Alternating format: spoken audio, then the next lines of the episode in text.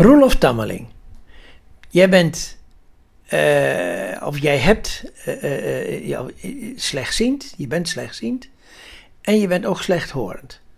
En, en, en jij doet aan schietsport. Een schietsport is toch iets van, nou, dan moet je toch kijken waar die kogel naartoe moet. Maar hoe doe jij dat? Ja, dat is, voor velen is dat een vraag. Eh, wat een ander ziet, dat moeten wij horen. En dat is eigenlijk de verklaring. De schietsport, dat, wij zijn uitgerust met een luchtgeweer. En daarop is een geavanceerde eh, akoestische richtkijker gemonteerd. En die A- richtkijker... akoestisch, dat betekent dat hij Dat eh, hij geluid maakt. Met geluid maakt, Ja? ja. ja, En die richtkijker die doet precies wat een ander met de ogen doet. Die tast het beeld op de schietbaan af. Op 10 meter afstand hangt de schietkaart. En die eh, vertaalt het zicht in een toon. En eh, het is een richtkijker, zei ik al. Eh, de richtkijker die meet, die, die ziet dus waar jij op gericht bent op de kaart. En wanneer je dus te veel links, te veel rechts of te hoog of te laag zit, dan heb je een lage toon. Kom je verder, als je dat weet, dat je moet bijstellen naar het centrum, dan wordt die toon steeds hoger. En als hij heel hoog is, dan je- zit je in de roos. Als je de hoogste toon, de hoorbare toon hebt, dan weet je, ik zit in het centrum, op de 10. Dat is de hoogste score van de kaart. Ja, en, En daarop, dat is het moment waarop een ander ook de trekker overhaalt om het schot te lossen. ja, ja, en, en, die, en die kaart, daar is een, eh, een, een, een spotje opgericht, geloof ik. Hè? Dat is een... Daar is een spotje opgericht, er is licht opgericht. Ja, de kaart moet wel heel belicht worden met een eh, spotje. Want dat is natuurlijk eh, niet met beschikbaar licht te doen. Hè, eh, maar de, de verlichting op de schietbaan die wordt versterkt door dat spotje wat op die kaart gericht is. Dat is het duidelijkste. Maar, maar wat is nou de kunst van het schieten? Eh daar komt daarbij, ik leg wel uit dat je de trekker moet overhalen, maar een voorwaarde is dat je dus een stabiliteit moet hebben. Dus elke, op 10 meter afstand is de een millimeter beweging is een centimeter op 10 meter afstand. Dus beweeg je al een millimeter, dan zit je al te veel eh ernaast. Dus je moet je, 2 dus millimeter, wat ook minimaal is, hè, dan zit je er 2 centimeter naast. maar, Dus- maar eh, dat betekent dus dat je je eh, adem moet inhouden. Ja, het is een ademhalingstechniek. Hè? Eh, het schot lossen wanneer je diep adem hebt gehaald. En dan eh, ook de beweging van je borstkas kan de beweging veroorzaken. Dus de oefening die je van tevoren doet, de training, eh, dat is bepalend voor je stabiliteit. Ja, en dat, is, en dat maakt niks uit of je nou ziet of niet ziet. Nee, de, nee, totaal blinden kunnen het ook doen. Alleen het bijstellen moet even eh, de hulp bijgeboden worden. En, eh, omdat je dat niet ziet hoeveel er bijgesteld moet worden. Maar die bijstelling die kun je met, met het justeren, noemen ze dat. Eh, eh, met Ja, stel, maar met dat is, steltoren dat is doen. in de instellen van het geweer. De instelling van de kijker, ja. Die En, en, en, en hoe ben je er nou op gekomen om te gaan schieten? Deed je dat al voordat je eh, eh, slechtziend was? Nee, ik, had, ik ben in eh, 1954, 55 in militaire dienst geweest. En daar had ik dus ervaring met schieten. Maar daarna heb ik er nooit meer aan gedacht om ooit lid te worden van de schietvereniging. Maar eh, enkele Groningen spotters, eh, die eh, waren in Wilhelmshaven in Duitsland op een internationale sportdag. En daar ontdekte men dat daar geschoten werd door blinden en slechtzienden. En die waren daar verbaasd over, tot en met natuurlijk. Hoe kan dat? Want dat hadden we in Nederland nog niet. En die kwamen dus eh, in Groningen terug. En omdat ik toen op het Nieuwsblad van het Noorden zat, op redactie, dacht ik, eh, Roelof moet dat wel weten. Eh, die kan het wel uitzoeken. Toen heb ik mij opgesteld als coördinator. Ik heb verbinding opgenomen. maar, maar was jij toen al slechtziend? Ja, ik ben in 1973 slechtziend geworden. En waar ik nu over praat, dat is in 1991 gebeurd, dat ze bij me kwamen. Maar ik zat toen al op een redactie van het Nieuwsblad. En ze hebben je direct zo gek gemaakt om ook eh, lid te worden. Hoe zeg je dat? Ze hebben jou direct zo gek gemaakt om lid te worden. Hè, ja, en, ja, ik was toen al lid van de blindenvereniging. En, toen, eh, en men kende mij wel in die, in die zin. Dus men heeft contact met mij opgenomen. Wil jij dat je zit toch op de krant, wil je dat uitzoeken. En toen heb ik contact opgenomen met de Koninklijke Nederlandse Schuttersassociatie, in uh, het, de, de, de koepelorganisatie van de schutters. En die verwezen mij naar een vereniging in Groningen, die daar wel belangstelling voor had om dat in Nederland te introduceren. En toen heb ik dus met dat... En, en dat was Slans Weerbaarheid? Dat was, de vereniging, uh, uh, de schietvereniging Slans Weerbaarheid in Groningen, ja. En waar, waar, komt, dat, waar komt die naam vandaan? Die, is, die stamt uit 1867. de, weerbaar, de naam Weerbaarheid zegt het al. Dat was dat Nederland toen nog weerbaarheidskorpsen had, per locatie, per stad onder leiding van uh, Willem I.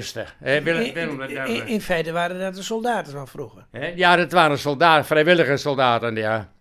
In Groningen is dat opgericht door enkel, een aantal prominente mensen. En, uh, onder meer Thomas de Wessink, de straatnaam is er ook naar genoemd. Oké, maar... En, en de familie Scholten. Maar dat is allemaal historie. Maar daar komt de naam vandaan. maar, maar, jij, maar jij bent toen lid geworden van het Slans Weerbaarheid. En, uh, en jij hebt toen ook, dat is toen ook geïntroduceerd om voor blinden te kunnen schieten. Nou, toen was je nog geen lid van de schietvereniging. Maar omdat ik dus contact heb opgenomen met die schietvereniging, met het bestuur, die er wel oren naar had om eraan mee te werken. toen heeft men mij gevraagd hoeveel mensen zijn daardoor geïnteresseerd. Ik zeg, eh, ik zeg met vier man komen sowieso met de vraag naar voren. En toen zijn we eerst een jaar op proef geweest. En daarna zijn we als lid uh, aangenomen bij de vereniging. En dat betekent ook weer, en daar ben ik ook een voorstel van, integratie. Integratie bij een reguliere vereniging. je bent te midden van en uh, mensen die uh, normaal functioneren. En jij als gehandicapte bent gewoon lid daarvan. Ja, je bedoelt niet uh, sport doen alleen voor blinden, maar sa ook samen met zienden. Nee, het is geen clubje van alleen gehandicapten. Het is een, geïntegreerd binnen een reguliere vereniging. dat is ook... En daar ga je elke week naartoe? ja, dat is dus wekelijks.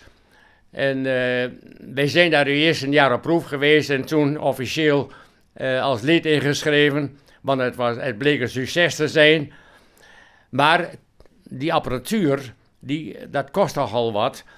In Nederland, dat wist ik, die barst van de, van de fondsen. Toen heb ik alle fondsen daar geschreven om steun. Want je moest zo'n uh, zo'n 1800 gulden, toen was er nog het guldentijdperk, moest je nog investeren om die kijker te kopen. Want dat is dus per persoon? Het geweer was er wel. Hè, eh, dat heeft de vereniging wel, dat luchtgeweer.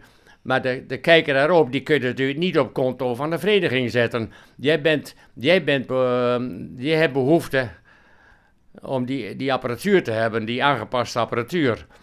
En toen uh, heb ik gezegd, we zijn een substantiële groep, we kunnen de vereniging daar niet naar vragen. En toen kwam het geld binnen. Ik had binnen een, een korte tijd kon ik vier, vijf kijkers kopen.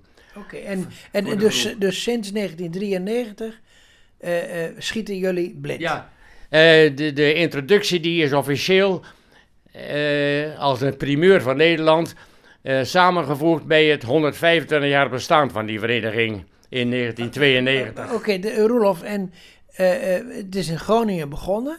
En het is in Groningen begonnen. En, en zijn er nu ook meer uh, clubs uh, waar, waar dat gebeurt? Ja, uh, binnen onze vereniging hadden we dus alle medewerking van, van de andere leden.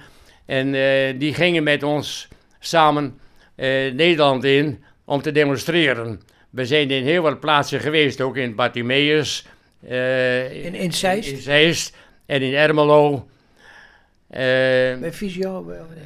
ja, dat is ook een blindeninstituut. En die graven. En daar hebben we de, de schietsport gedemonstreerd. En in Apeldoorn, in het Looerf, nu Visio. En op die manier zijn er nu veel meer uh, schutters, uh, blinde en slechtziende schutters in Nederland.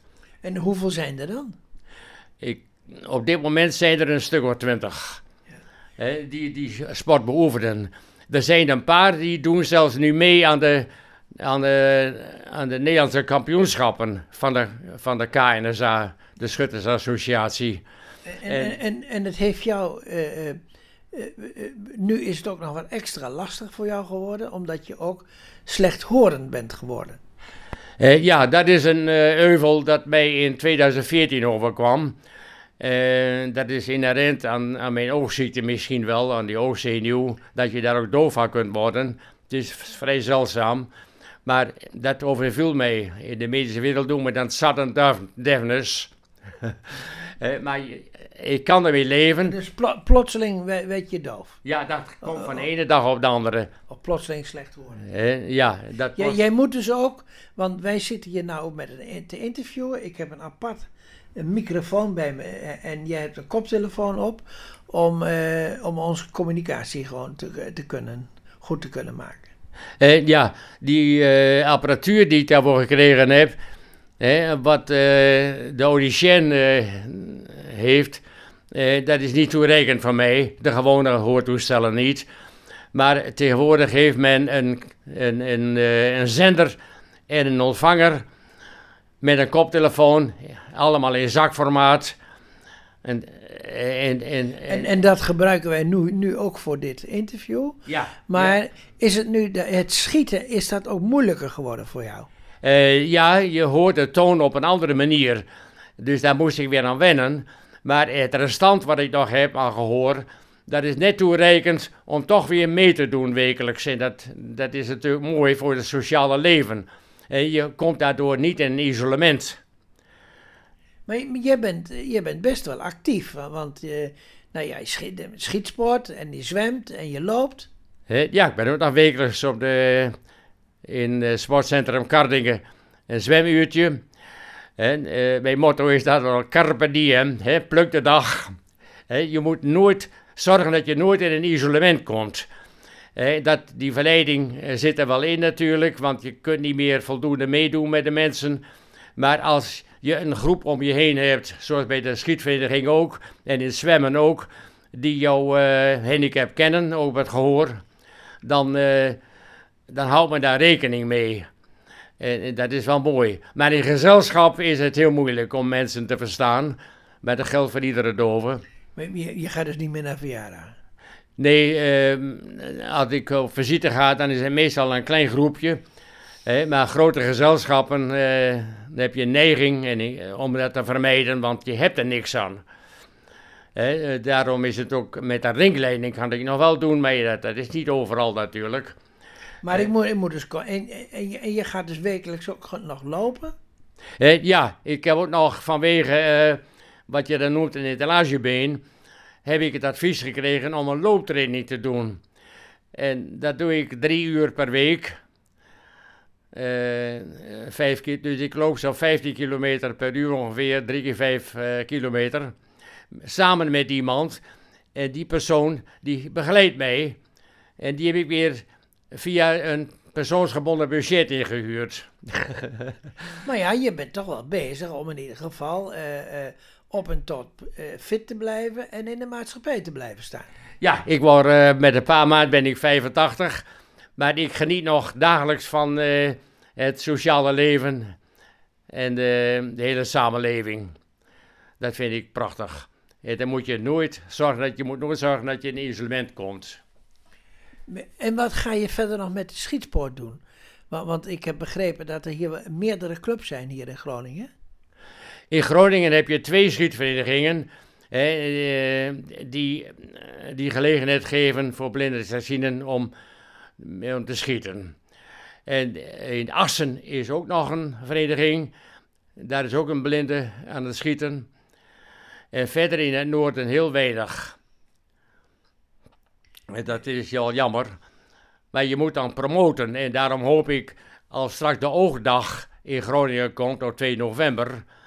En dan is daar een mogelijkheid om te, om te demonstreren op de schietbaan. Er wordt een klein schietbaantje ingericht. En dan hoop ik dat daar eh, wat mensen komen die daar kennis wil- willen maken. Jij wilt eh, dus proberen om wat meer mensen aan het schieten te krijgen. Maar wat is er nou zo leuk aan schieten? Eh, de verenigingsavond zelf, je bent met elkaar. Maar in Nederland zijn ook veel verenigingen die gelegenheid geven om deel te nemen aan wedstrijden voor luchtgeweer. Ja, maar wat, maar, maar wat geeft. eh, eh, wat maakt het nou zo leuk om te schieten? Eh, je staat daar bijvoorbeeld een uur lang op de schietbaan, op je schietpunt.